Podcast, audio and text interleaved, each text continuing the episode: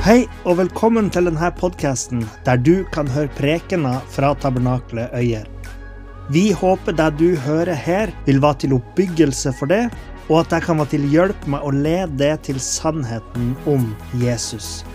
Hvis du ønsker å finne ut mer om oss, kan du gå inn på hjemmesida vår på tabernakletoyer.no.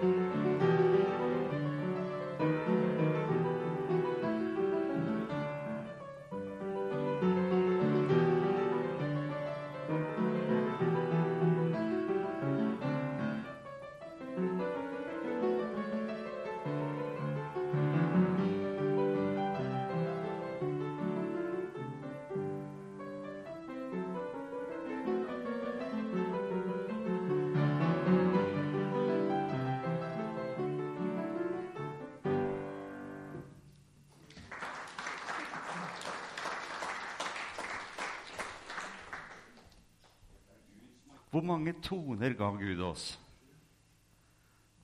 Det er litt flere. Du vet, har du oppdaget tallenes hemmelighet? Alt som går på tall, er fullkomment i Guds rike. Syvtallet er jo det fullkomne tallet. Men tolvtallet også er noe veldig spesielt med. Begynn å undersøke Skriften hvor mange ganger tolv går igjen. Gud gav oss tolv toner. Toner har vi fått. Og ut av de tolv tonene så har du Åge Samuelsen og David André Østby og Beatles og Bach og Beethoven og All musikk. Ja, fantastisk. Av de tolv tonene. Jeg bare nevner det. Skaperverket er jo unikt. Det er det. Og Bibelen er unik. Og vi har et unikt tema foran oss.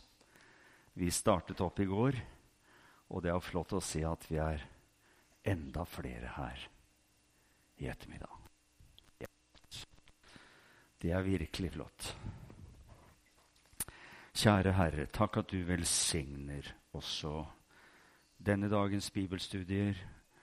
Før oss inn i Skriftene. La oss få se, Herre, det som du har beredt for oss. Takk for at vi har profetiske ord. Det er tydelig. Det er tydelig, det skinner som stjerner på trosfirmamentet. Ja, det er som solen som skal gå opp i våre hjerter. Morgenstjernen også, Herre. Og vi priser deg. Takk at du møter oss her nå. I Jesu navn. Amen.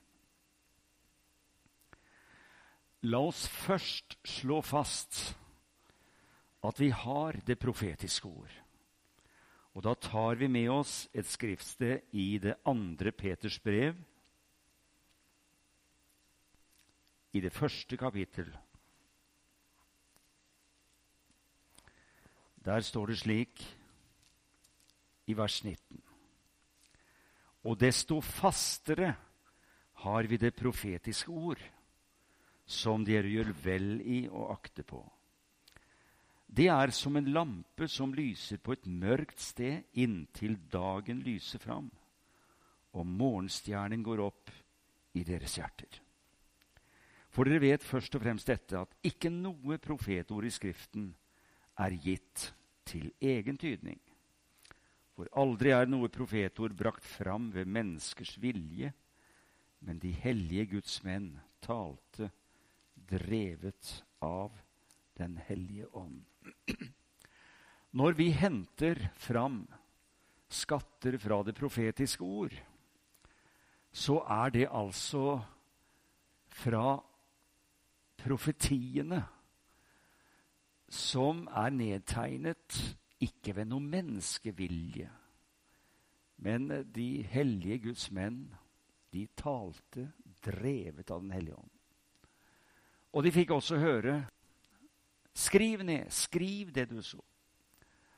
Og vi har heldigvis fått disse profetiske skriftene. Og når profetordet åpner seg for oss, da får vi se en helt ny og fantastisk verden. Og vi leste her at fastere har vi det profetiske ord. Hva betyr det? Jo, Peter han forteller om noen herlige opplevelser oppe på fjellet. Og opplevelser på fjellet, det er jo gode å ha, ikke sant?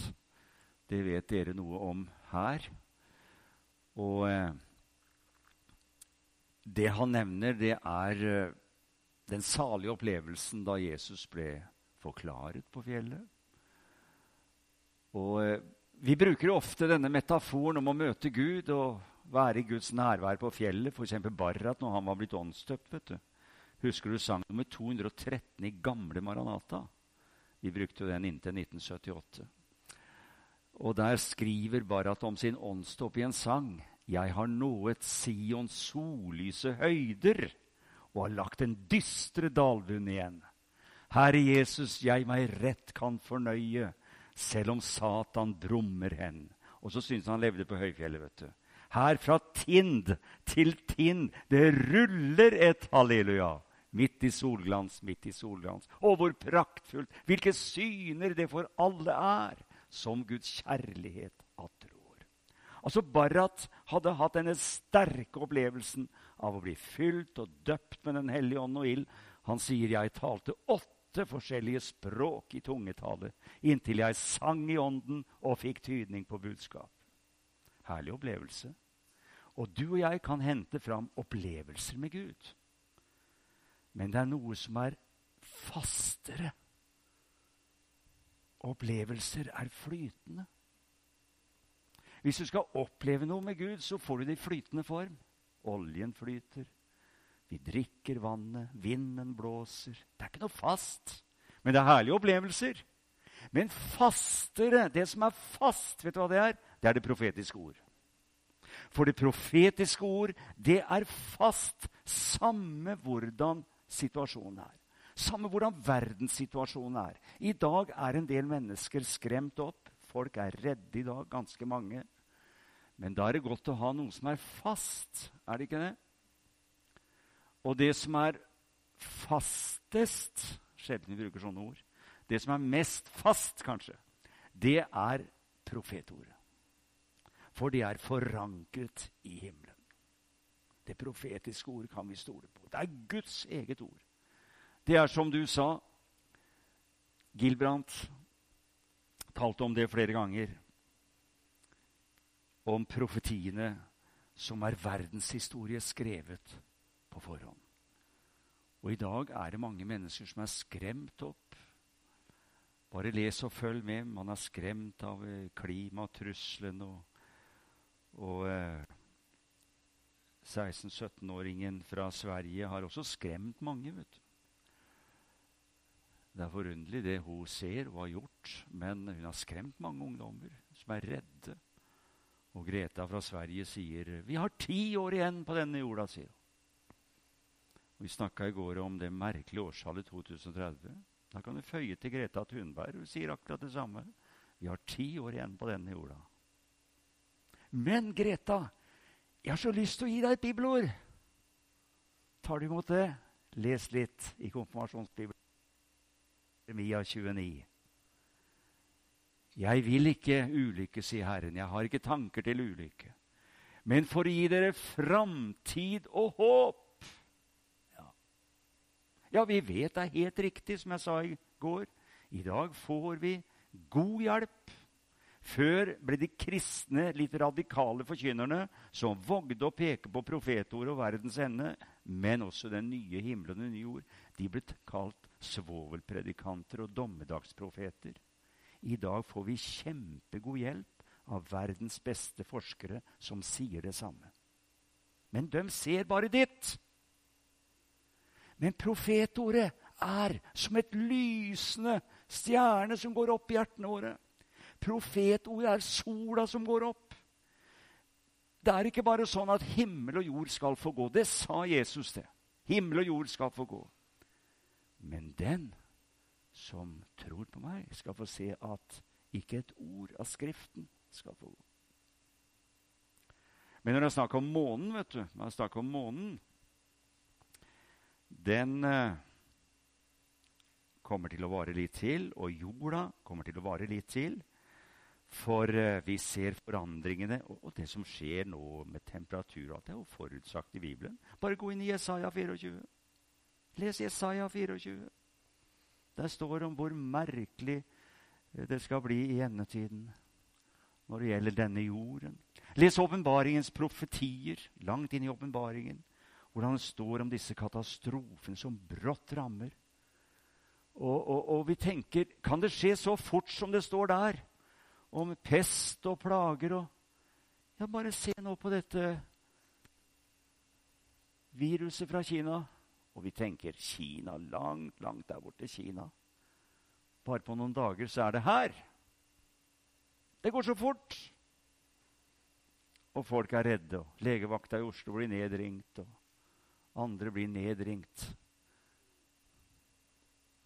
Ting går så fort. Men vi er ikke dommedagsprofeter, vi. Nei, vi er ikke mørkemenn, vi. Jeg har i hvert fall aldri vært det. Hurra, jeg er født med et lyst sinn, men det kan jeg ikke noe for. Eh, og i tillegg til det så har jeg Guds ord, som gir fremtid og håp. Vi leser Bibelen.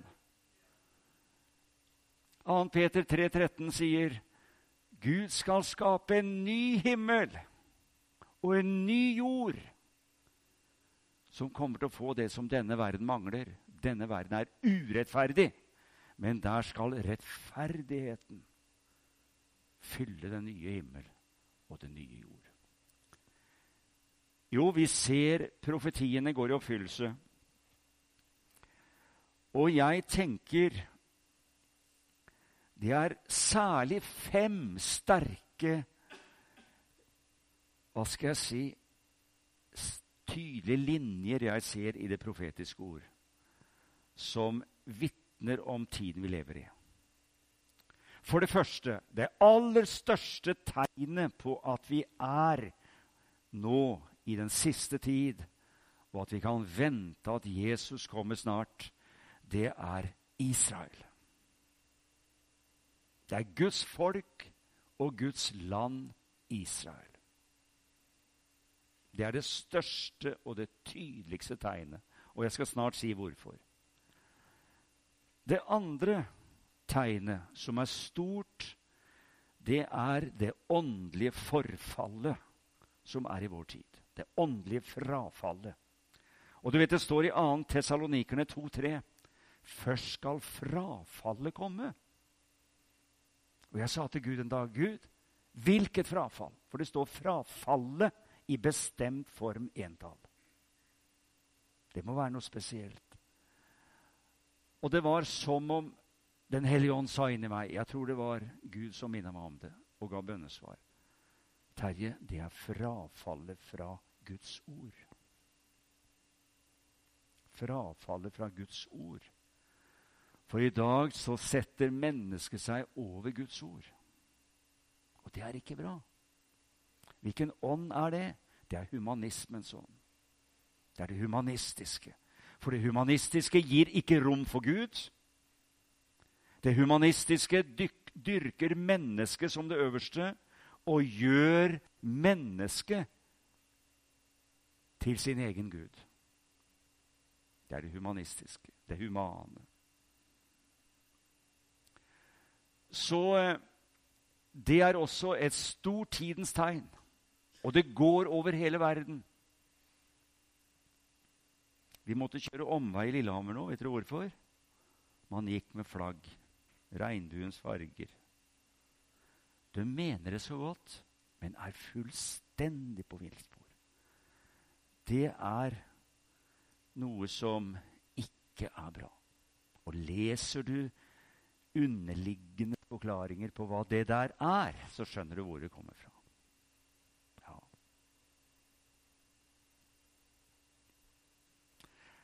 Og eh, det tredje Gud være takk. Det tredje er te store tegnet. Det er vekkelse og åndsutgytelse. Vi må ikke glemme det. Det er også et kjempestort tegn. Ja, men ser vi det i Vest-Europa, er det frafallstegnet som dominerer. Men ta en flyreise noen timer i forskjellige retninger, himmelretninger, og gå ut. Og du møter en vekkelse som ikke har vært før på jorden. Og Det er derfor nå Kina strammer så voldsomt til. Hva skal de gjøre for å stanse vekkelsen? Det blir tøffere og tøffere. Man gjør alt man kan i Kina for å gjøre det vanskelig for de kristne. Men Jesu navnet sprer seg, og det er kolossalt mange kinesere hver dag som blir frelst. Det er fantastisk. Bare les. Gå inn på Bibelselskapets nettsider og les. Presteskapet i Iran sitter i møter og lurer på hva skal vi gjøre for å hindre alle muslimene våre som nå blir frelst, i å bli frelst. De legger sine hoder i bløt. Dette skriver ikke VG om. Det kommer ikke på TV 2-nyhetene. Hva Jesus gjør i de muslimske landene. Det er skaren og som venner seg til Jesus. De får høre at de er elsket av Gud. Gud er ikke en grusom mann der oppe som, som eh, krever alt og ikke gjør noe. Gud er god. Han har sendt Jesus til frelse. Det går rett inn i hjertet på mange muslimer. Og de omvender seg og blir døpt i skarer. Men da må du enten se på de kristne TV-kanalene eller lese kanskje Norge i dag for å få greie på det. Ikke de profane avisene. Det er vekkelse og åndsbetydelse. Og Inger og han og jeg vi møtte det også nede i Sør-Amerika. Vinteren 2012 vi var invitert til Bolivia bare et, som et eksempel på det som skjer i vår tid. Og så sier misjonæren der, da, for vi skulle ha den avsluttende søndagen i en pinsemenighet som ble starta i 1978 og 2012. Hvor gammel var han da? 22, 34 år var den menigheten. Vet du hvor mange medlemmer han hadde? Bare indianere. 50 000. 50 000 i hovedstaden La Paz. Det ligger 4000 meter over havet. Og bare jeg skulle bøye meg, knyte skoa og reise meg igjen, så var jeg andpusten. Så tynn er lufta. Helt merkelig. Og den siste søndagen så sier misjonæren som vi besøkte, Terje jeg, jeg, henter dere hver klare på morgenen, så drar vi til møtet. Du skal preke der. Og pastoren han har bedt om at du taler om Jesu komme og profetordet. Her også, tenkte jeg. Ålreit, det gjør jeg med glede. Hold dere klar et kvarter før. Kvart på elleve, sa jeg. Ja, norsk, jeg, vet du. Kvart på sju, sa han. Kvart på sju, så er det møte klokka sju. Ja, det er det første møtet, sa han. De hadde nytt lokale med 6000 sitteplasser. Og de måtte ha seks gudstjenester hver søndag for at hele menigheten kunne komme på møte. Kjære Gud, tenk på det. Og der var vi ferdig kvart på sju. Og han henter oss, og vi kjører bortover, og jeg ser 200 mennesker står i kø utenfor inngangen. 200, tenker jeg. Åssen skal disse 200 fylle kirken? Jeg var norsk igjen, vet du. Det lønner seg ikke i Sør-Amerika. Det var de 200 som var ute i siste det. Kirken var full, den! Den var full! De hadde vært der en time, mange av dem, og lovsangsteamet hadde sunget og varma opp en time når vi kommer. Og da begynner det møtet. Etter halvannen time presser folk på ved inngangsdørene. Og de måtte sende folk fort ut, så neste 6000 kunne komme inn. Det er en virkelighet mange steder i verden i dag.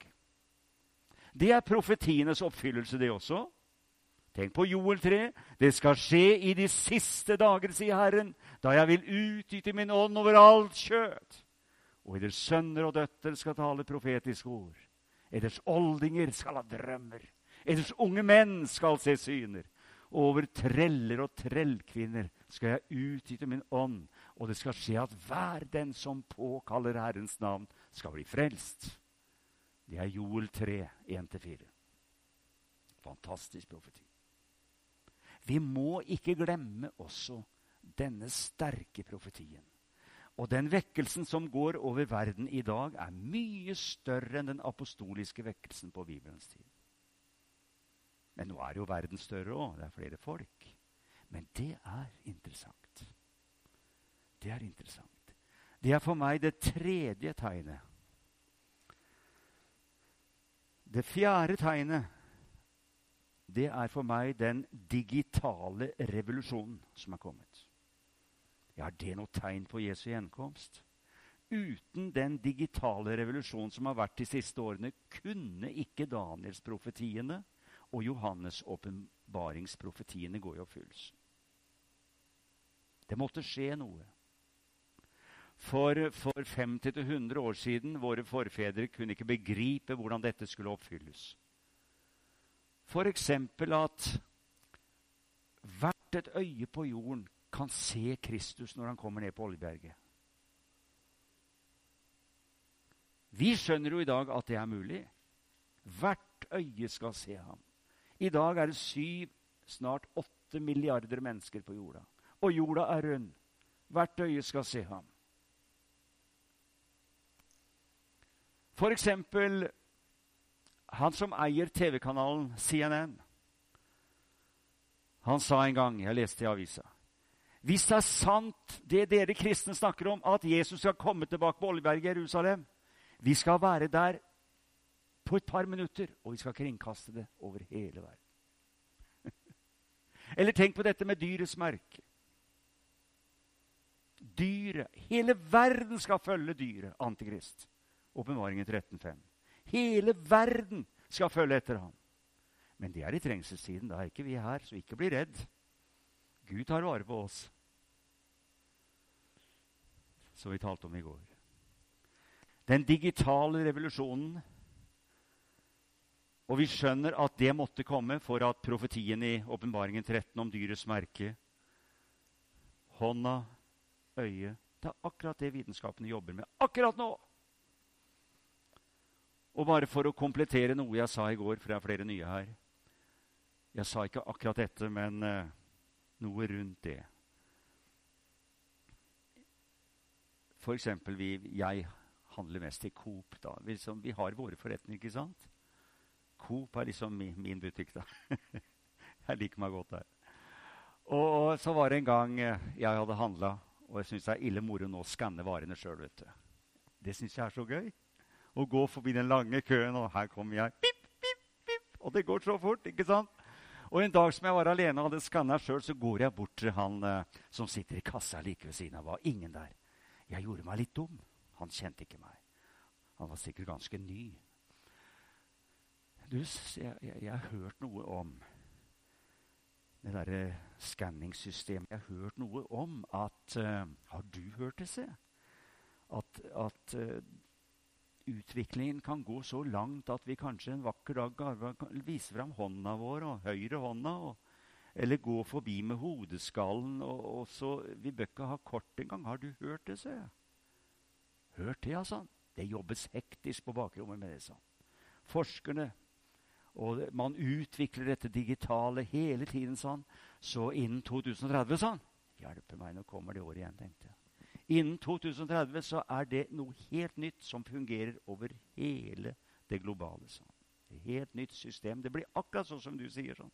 Right, du har hørt det, du også? Å ja, det har jeg hørt mye om. sånn. Ikke ut ifra Bibelen, men ut fra det som verdens dyktigste jobber med i den videre digitalisering av verden. Det måtte komme for at åpenbaringen 13 skulle gå i oppfyllelse. Derfor er alt som går på det digitale, i seg selv et kjempetegn på at vi er kommet dit hvor det er mulig å oppfylle de profetiene fra åpenbaringen som generasjoner foran oss aldri har forstått har vært mulig. Det er gjerne de fire, men jeg har lagt på ett tegn til Og det er disse enorme tingene som kommer natur- og værmessig. Mye tyder på at det vi opplever rundt i verden, også i Norge, det er bare begynnelsen på katastrofer som kommer. Og det er skildret tydelig i Bibelen. Men dette forkynnes ikke. Vi er tause. Hvorfor er vi det? Og når det gjelder dette med Israel som det aller største tegnet, så er jo det fantastisk, det med Israel. Det begynte jo med en mann som het Abraham, 75 år, som får et kall. Og Gud taler til ham i første Mosebok 12. ikke sant?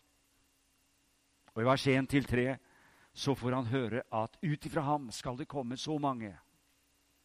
Og der har du Israelsfolket i kjødet. Og eh, Herren taler til Abraham at det skal være et folk som Gud har bestemt. Så taler Gud til neste generasjon, Abraham og Isak, og bekrefter det samme. Og Der kan du lese om det i eh, første Mosebok 26. Og så taler han til neste generasjon, Abraham, Isak og Jakob. Han får også høre det. Det er i første Mosbok 28. Og han taler også til eh, neste generasjon, som er på vei imot Kristus, som er oppfyllelsen av løftet om en som skulle komme gjennom Abraham, som skulle frelse hele verden og velsigne verden. Og neste generasjon Vi vet det er Jakobs-sønnene, men hvem av sønnene tar dette videre mot Kristus? Jo, tør dere svare på det? Helt riktig. Det er Juda. For Jesus han er løven av Judas stamme. Så videre gjennom Juda, og så kan du lese slektsregisteret helt fram til Jesus. Men det som er interessant, det er at dette folket blir ikke valgt fordi det er bedre enn andre. Vet du hva? Gud har aldri latt slike ting være avgjørende for utvelgelse. Aldri. Gud er heller tvert om han. Profeten sier at det var ikke fordi det var prektigere enn andre folk. Heller tvert om. Det var et vanskeligere folk. Det var et mer hårnakket folk enn andre. Men Gud valgte dette lille folket som skulle komme av Abraham. Men se og les historien. De faller stadig fra. De skuffer Gud, de skuffer Moses, de skuffer gang på gang. Og så ser du Gud sender profeter fordi Gud vil tale til dem. Og Jeremia 2, 2, 2, 3, for eksempel, så sier Herren, Husk det, Israel. Husker du da du var ung? Husker du Israel da vi var unge? Husker du så hengiven du var i din forlovelse? Du var en forlova ung jente. Du var forlova med meg, og du var varm og hengiven. Jeremia 2, 2, 2, 3. Husker du det, Israel? Det var tider, det, da du elsket meg. Du var ung og full av kjærlighet. Men nå Hvordan er det nå? Du har falt ifra meg, sier jeg. Du har gått din vei. Du er borte. Men skjønner, Gud vet du, er sånn at om vi bryter en pakt, så bryter ikke Gud pakten. Abrahamspakten er uten betingelser. Og den må ikke sammenlignes med Sinai-pakten. Men Abrahamspakten den er uten betingelser. Den skulle gjelde åkke som. Og Gud taler til disse om at han hadde utvalgt dem, og han hadde til og med utvalgt landet Israel, som du kan lese om i profetordet. Han utvalgte landet. Og det er fantastisk å tenke på at profetene taler om at hvis de hørte på Herrens ord, så skulle Gud velsigne dem. Og hadde Israel hørt på Herrens ord, hadde de aldri mista landet sitt i år 70. Men fordi Israel tok ikke mot Jesus, så ble hele Guds tanker, kan vi si privilegerte tanker, ble forskjøvet. Jeg tenker med ca. 2000 år, og jeg skal bekrefte hvorfor. Ved at hedningene fikk sin store sjanse, men jeg tror allikevel det var i Guds endelige frelsesplan. Så det er underlig å tenke på det der. Men jødene, hva opplevde de? Jo, Johannes 1,11.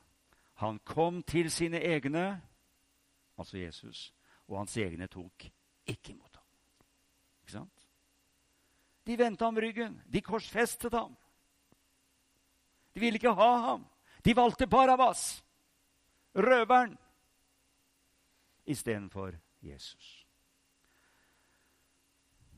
Og videre så står det i Johannes 1,12.: Men alle dem som tok imot ham, så når jødene fornekter og ikke vil ha Jesus, så vender Jesus seg til hedningene. Til alle andre hedninger er alle folkeslag uten jødene. Det er hedningene. Nå kalles det i Bibelen mest for folkeslagene.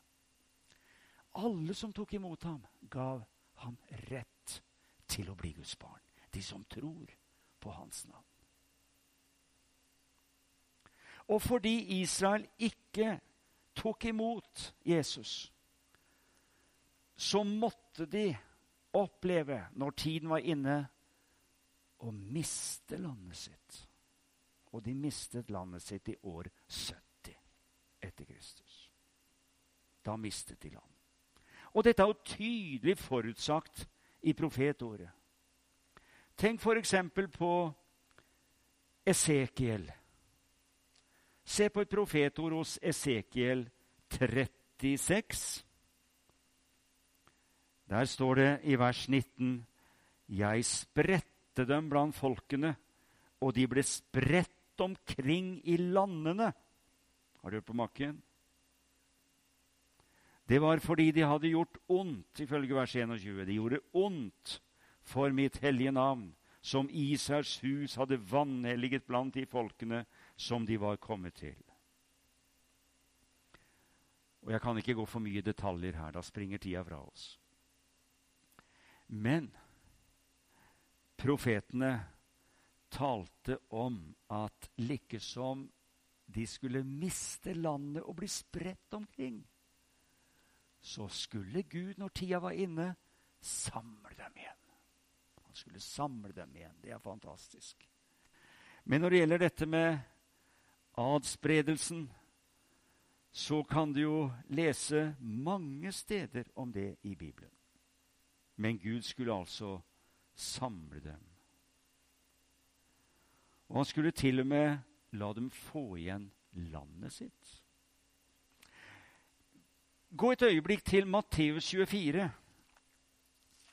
Der er det Jesus som sitter ved tempelet, og så kommer disiplene. De er begeistra. De ser de flotte tempelbygningene, og jeg tenker nå ligger tempelet der i sola. Det glitrer av tempelet, et vidunderlig bygg. Og så kommer disiplene for å vise Jesus tempelbygningene, Matteus 24,1. Og han svarte dem, ser dere ikke alt dette? Sannelig sier dere, her skal ikke sten bli tilbake på sten som ikke skal brytes ned. Har du hørt? Det måtte være rart å høre. Ikke sten skal bli liggende oppå sten. Vet du hva? Det går ikke 40 år. Dette er ca. år 33 eh, etter Kristus. Gå 35-40 år inn i framtiden. Du har år 70.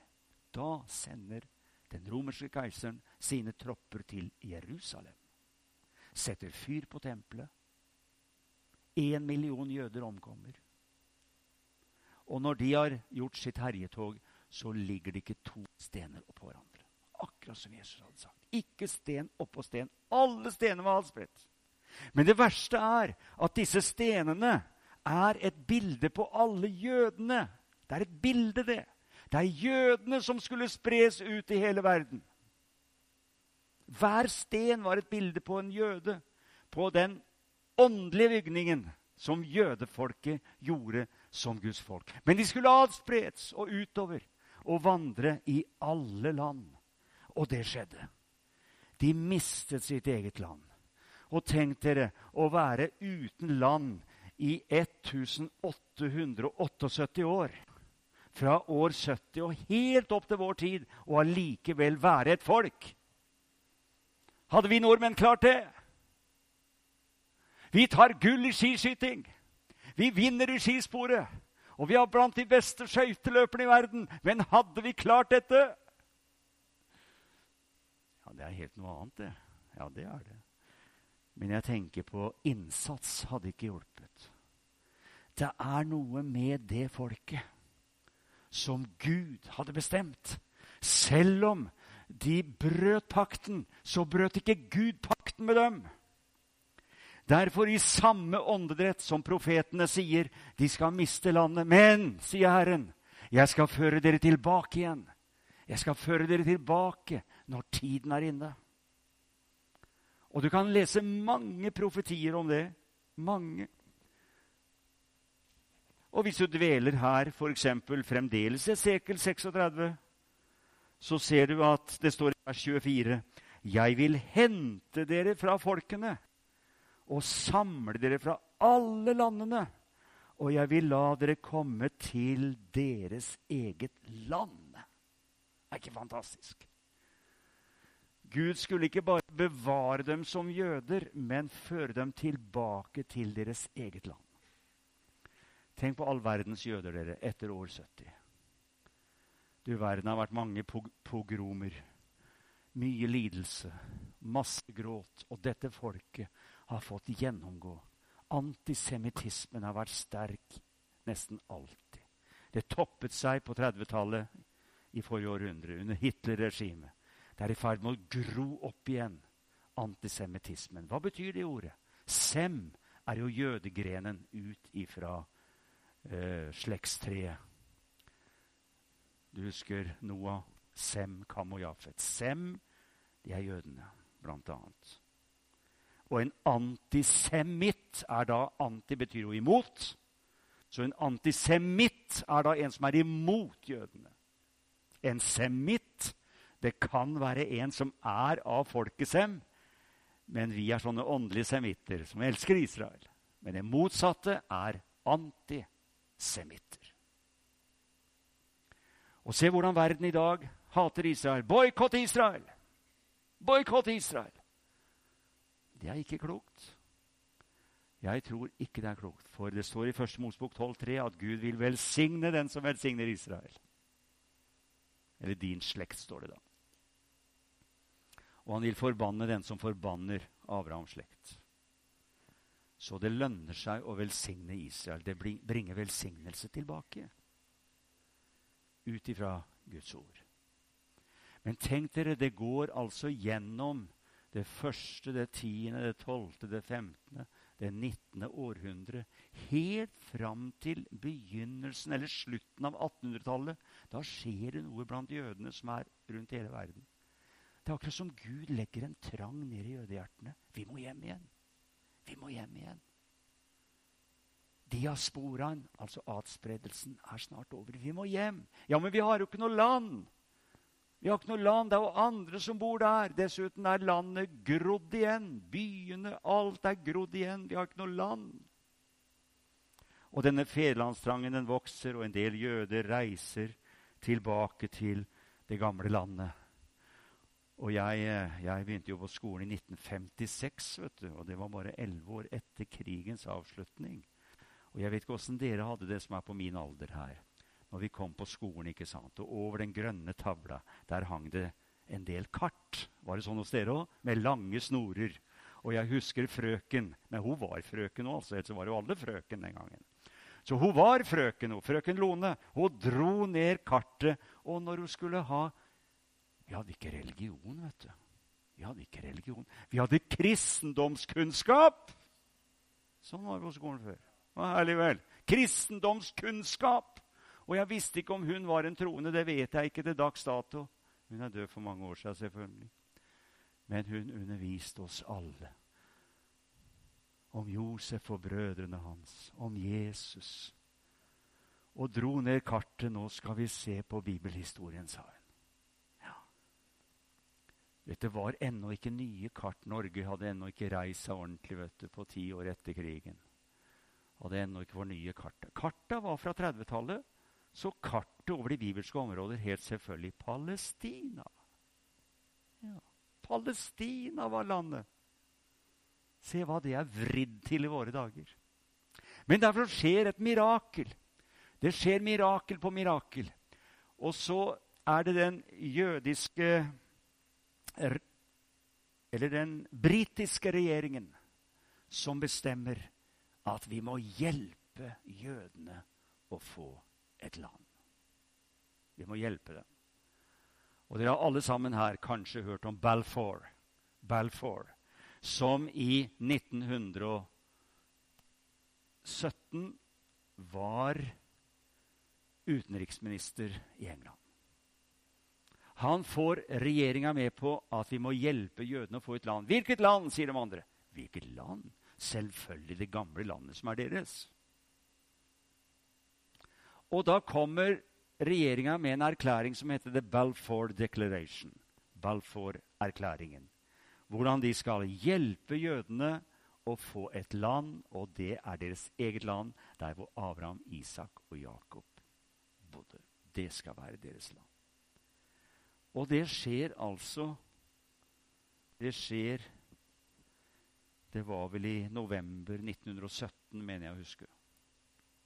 November 1917. Balfour Declaration. Og det som er interessant i dag Det som er interessant Han derre statsministeren i England nå, Boris Johnson Han som alltid er så fin på håret. Lagt merke til det? ikke sant? Alltid så flott og velkjemmet. vet du. Og Boris Johnson, skjønner du Han han er semitt i hjertet. Han er glad i jødene. Og han er ikke bare semitt, men han er noe mer. Han er sionist. Og hva er dette? Hva er en sionist? Og vi hører om sånne ord som i dag nesten har blitt skjellsord. vet du. Det er nesten blitt skjellsord. Akkurat som ja, de fundamentalistene der, er det noen som sier om pinsevennene. Hva er en fundamentalist? Det er noe veldig bra, det. Det er noen som har styrka det grunnlaget og fundamentet de står på, men det har blitt et skjellsord fordi vi tror på alt Guds ord.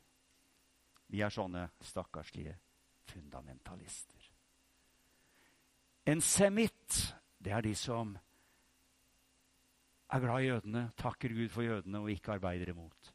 En sionist, det er en som ser i Bibelen at Gud ikke bare har jødene som et folk, men det er en som skjønner at de skal ha et land.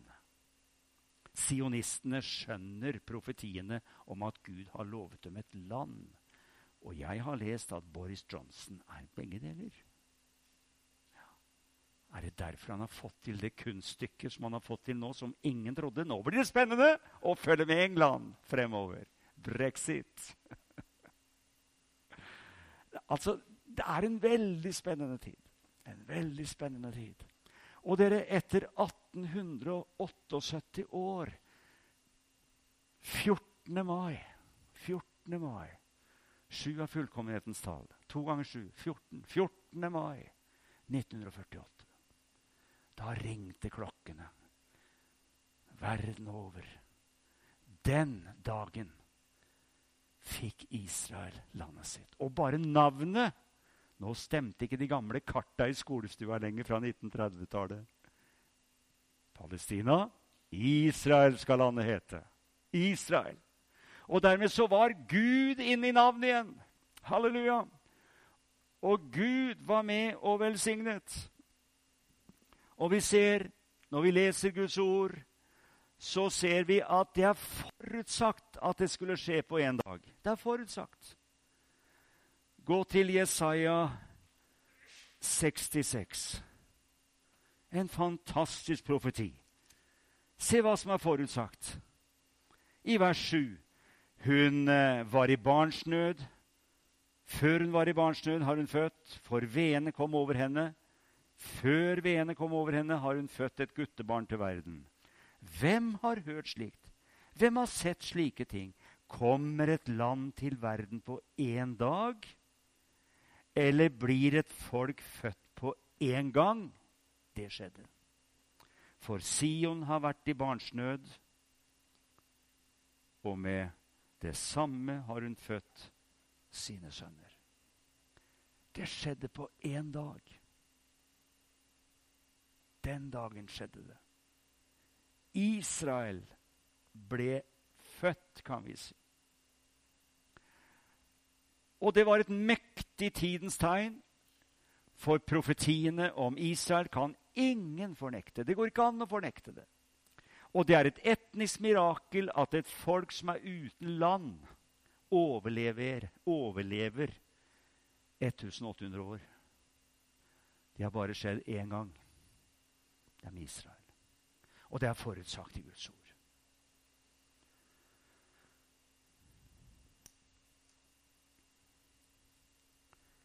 Derfor er disse profetiene helt enestående. Og du kan se hvordan Gud taler om at Gud skulle føre dem tilbake.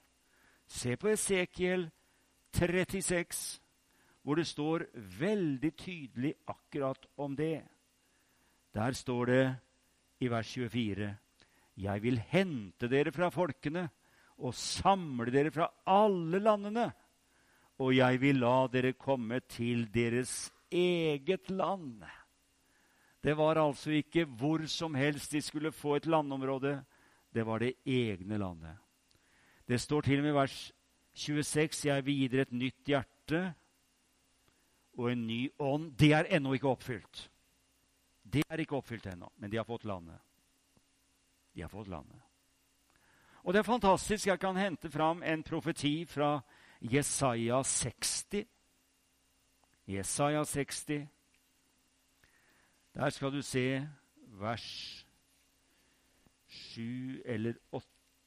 Vers 8. Hvem er disse som kommer flyvende som skyer? Som duer til sine dueslag? Jesaja 60, vers 8. Ja, hvem er disse? Tenk deg at Jesaja, som levde for over 2500 år siden, han ser inn i framtida. Se på temaet vårt. Hva sier Bibelen om samtid og framtid? Han ser inn i framtiden, og hva ser han? Han ser i at i en fjern framtid så skal Gud hente jødene og sende dem hjem. Gud skal hente dem, altså. Det er noe å bli hentet. Hentet hjem til landet. Og noe av det han henter dem i, det er flymaskiner. Ja, Jesaja ser flya. Han ser at de kommer flyende. Han ser at de kommer flyvende tilbake til sitt land. Og tenk på alle jødene som har gått ut av flya. De har bøyd seg mot bakken og kysset jorden. Endelig hjem igjen. Ja, det er sterkt. De skulle komme flyvende, blant annet.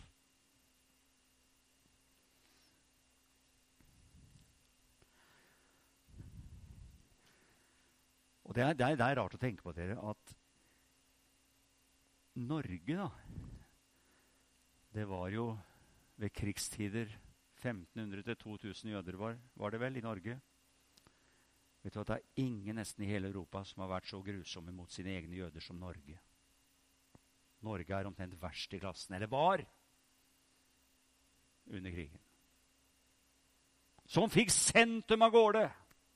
Denne gråe novemberdagen 26. november 1942 stuvet sammen nesten 540 jøder.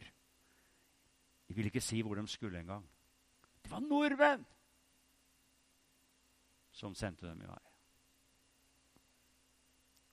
Og vi vet hvor skipet gikk. Mot Polen. Mot Auschwitz. Mot kuvognene. Og det var norske jøder. Flotte mennesker i sin beste alder. Mange av dem var velutdannede. Folk hadde hørt om det vidunderlige Norge. Endelig skulle de komme til et land med stor frihet. Ingen var så grusomme mot sine egne. Omtrent. Det var stikk motsatt i Danmark. I Danmark var det stikk motsatt. Men sånn var det i Norge. Det er ille å tenke på. Derfor har f.eks. Marte Michelet og flere gitt ut bøker om hvordan det var. Men eh, nazismen var grusom også mot nordmennene. Det har kommet mye litteratur nå de siste tre-fire åra som er verdt å lese. Men les Marte Michelet. Hun ligger nå, nå begynner dette store salget av bøker. Jeg var og titta litt i byen i dag. Jeg elsker bøker, det gjør vel du òg. Så på det store salget som kommer, finner du Marte Michelets bok bare for litt over 100 kroner. Og den heter 'Den største forbrytelsen'. Hun tar for seg hvordan nordmennene behandlet jødene under krigen. I detaljer. Jeg har aldri nesten lest noe så sterkt, og det er sant Hvert eneste ord. Det er dattera til Jon Michelet, altså. Og hva er det som skjedde? Jo, tenk bare på profetien. Det som er kalt gasskammerprofetien. Er du klar over det? I 5. Mosebok 32, 25. Der har du gasskammerprofetien. Og det er ikke så mange år siden. Mona Levin, kjent jøde i Norge. Kunstner. Eh, kulturjournalist i Aftenposten datter til pianist Robert Levin. Flotte folk! Ni stykker fortalte hun på norsk TV for noen år siden. Ni i hennes familie var blant dem som ble sendt til Polen. Til tilintetgjørelsesleirene til Hitler. Tenk på det. Og Mona, hun var som to år på vei mot Sverige, fortalte hun. Husker dere det? To år var hun da hun hang på skuldrene til mor og far. Og hun klarte ikke mer. Hun døde. Mona døde to år gammel. Bare gå inn og les. Ligger på Internett.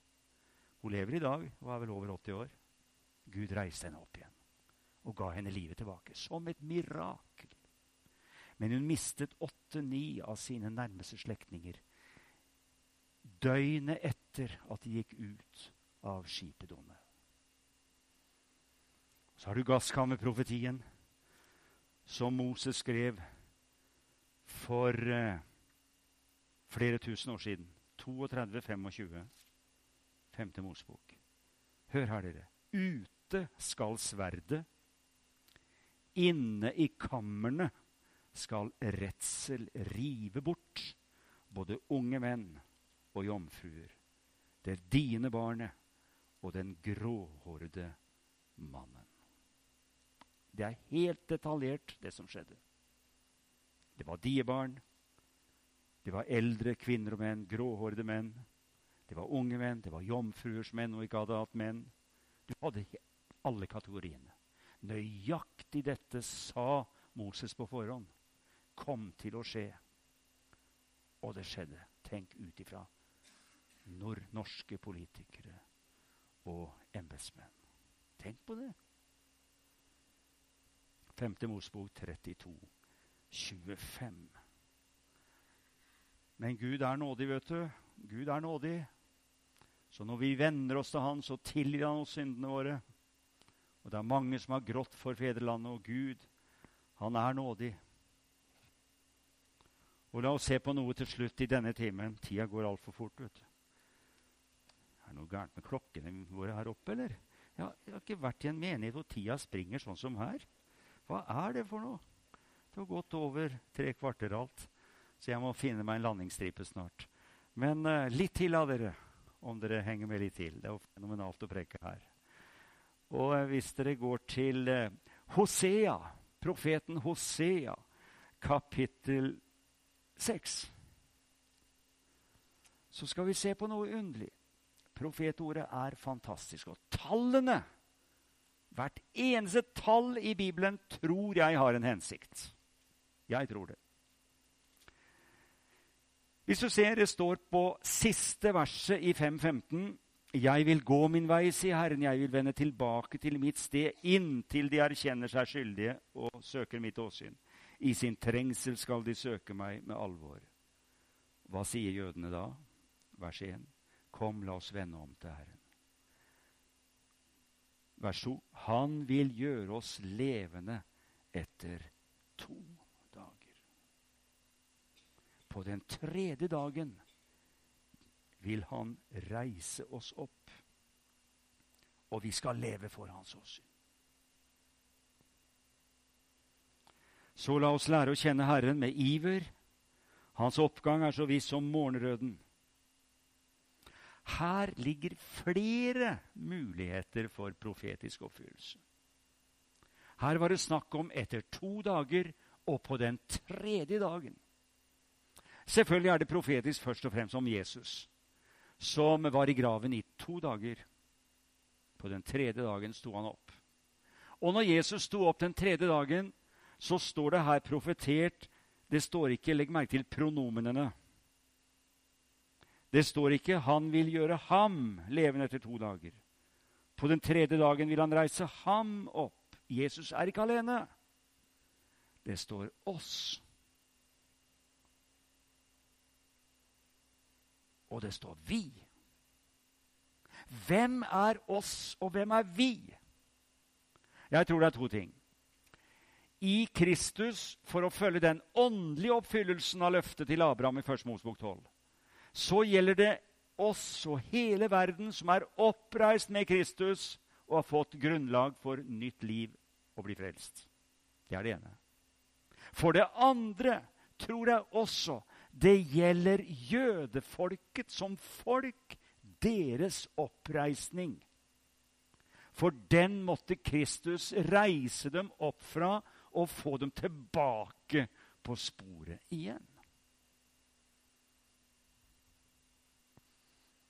Ja, men hva betyr disse dagene? I Kristus har det skjedd, men i virkeligheten hva med det? Israel har fått landet sitt. Vi har akkurat begynt på den tredje dagen. Ikke sant? For du leste første, an, første Peter i begynnelsen. I 2. Peter Ta med det også. I 2. Peter kapittel 3.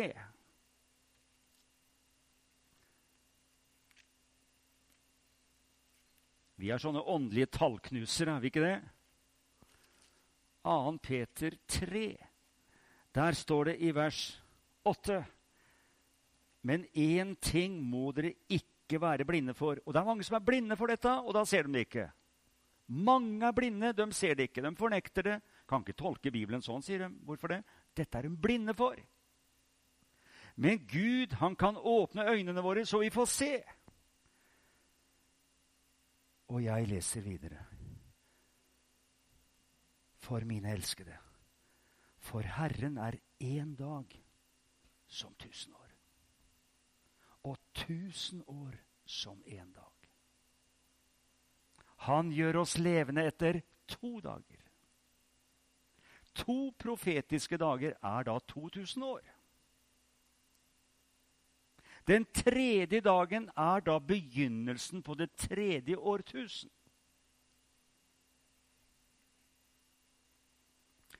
Jeg husker Hans Svartdal prekte om dette.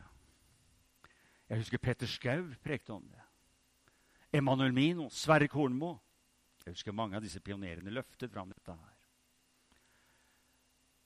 Og så leser jeg en artikkel av Toralf Gilbrand som jeg ikke hadde tenkt på. Men du verden hvor rett han hadde. Skal vi være helt nøyaktige, sier Gilbrandt, så begynte jo etter kalenderen det tredje årtusen 1. januar 2001. Ikke 2000, vet du. Det er siste null. Det er siste i det forrige. det, vet du. Men det begynner jo med én. Så 1. januar 2001 det var den første dagen i det tredje årtusen. ikke sant? Alle skjønner det? Så vi er nå begynt på det tredje årtusen. Vi er 20 år inn i det. Men, sier Gilbrandt, vi kan ikke regne ut ifra Jesu fødsel.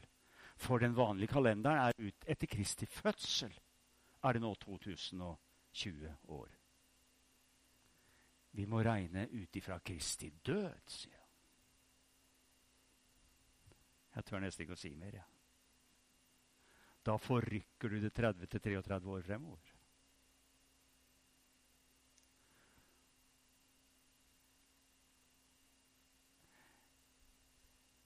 Jeg tidfester ikke Kristi komme, men jeg får oss til å tenke litt. Ja, ingen kan si dagen og timen, men vi kjenner tiden, at den er nær. Så etter kalenderen er vi 20 år inn i det tredje årtusen. Hvis vi tenker den åndelige, profetiske kalenderen, så er det noen år igjen, men ikke lenge. Så begynner den tredje dagen. Det tredje årtusen. Fantastisk. Og hvis du ser på tiden som Gud har gitt menneskene, så tenker jeg det er en sånn profetisk uke.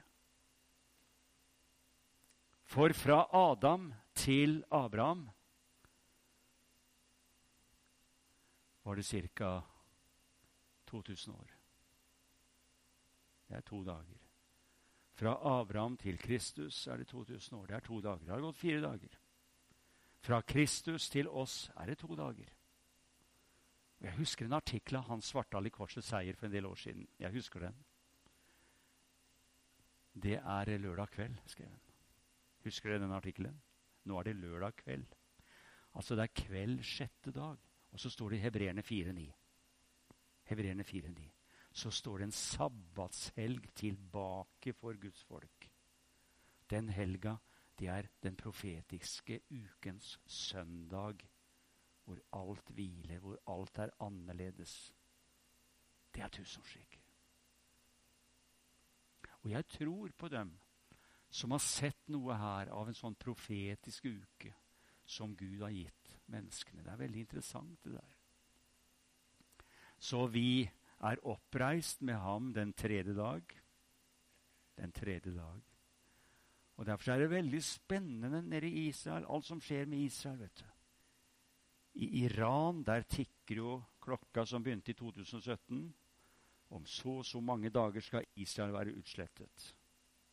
Den er i Iran. Den tikker ned, teller ned. De opererer med tallet 2040.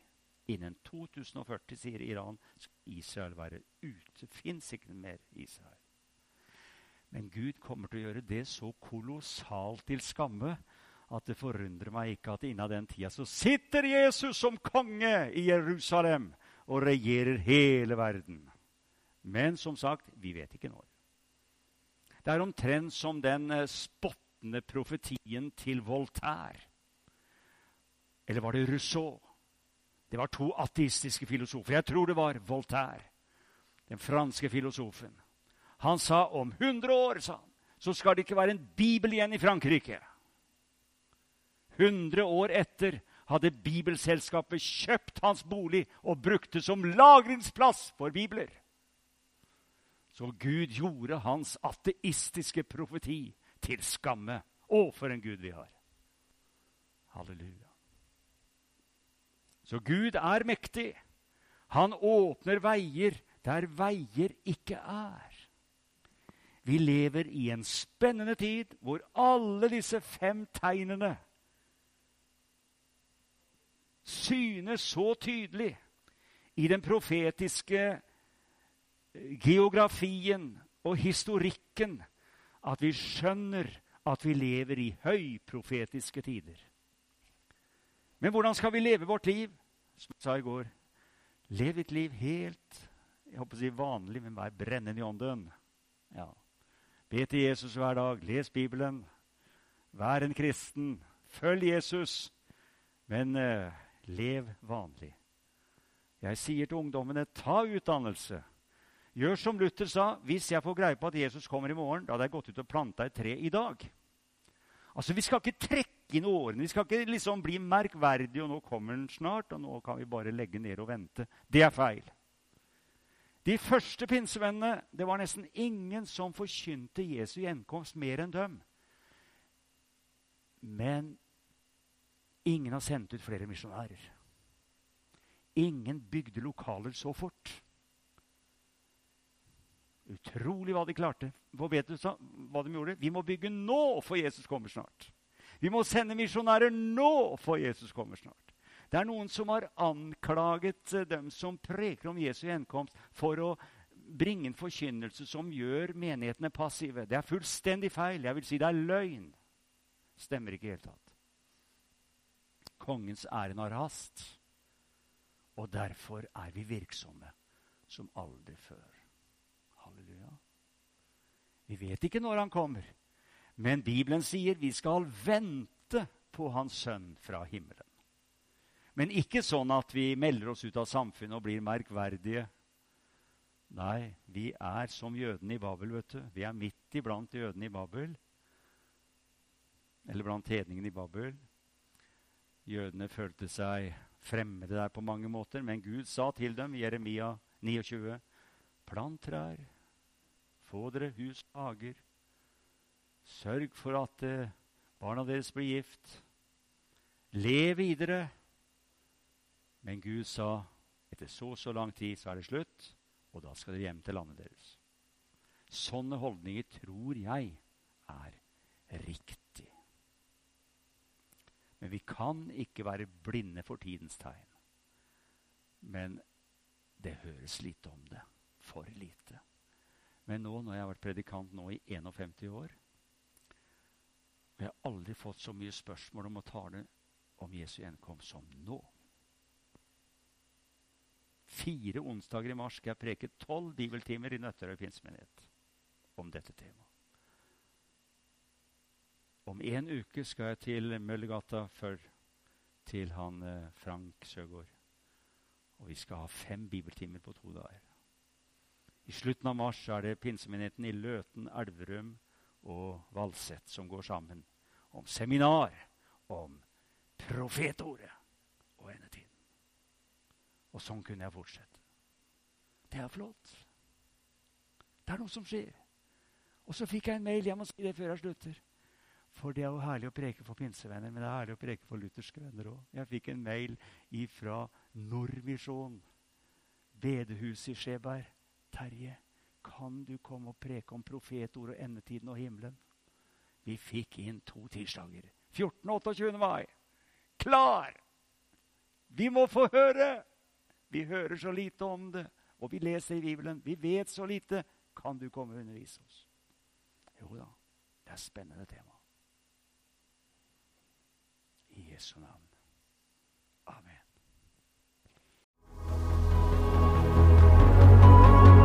Takk for at du hørte på. Hvis du tok et steg i tro i dag, eller du har noe du ønsker forbønn for, så vil vi gjerne høre ifra det via e-postadressen kontaktalfakrølltabernakletoier.no. Du er òg velkommen til våre ukentlige gudstjenester i menighetslokalet i Haugskutua 5 26 36 Øyer.